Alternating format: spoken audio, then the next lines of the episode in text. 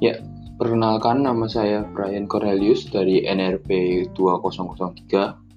Kali ini saya akan menjelaskan tentang marketing mix atau bauran pemasaran.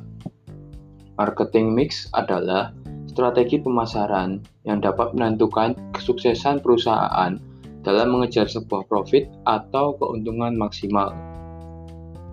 Di dalam marketing mix sendiri terdapat empat konsep, yaitu produk, place, price, dan juga promotion.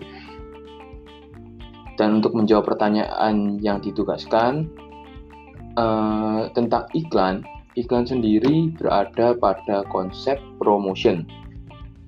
Iklan merupakan penyebaran informasi mengenai suatu gagasan, barang, atau jasa untuk membujuk orang agar berpikir, bersikap, atau bertindak sesuai dengan keinginan pengiklan.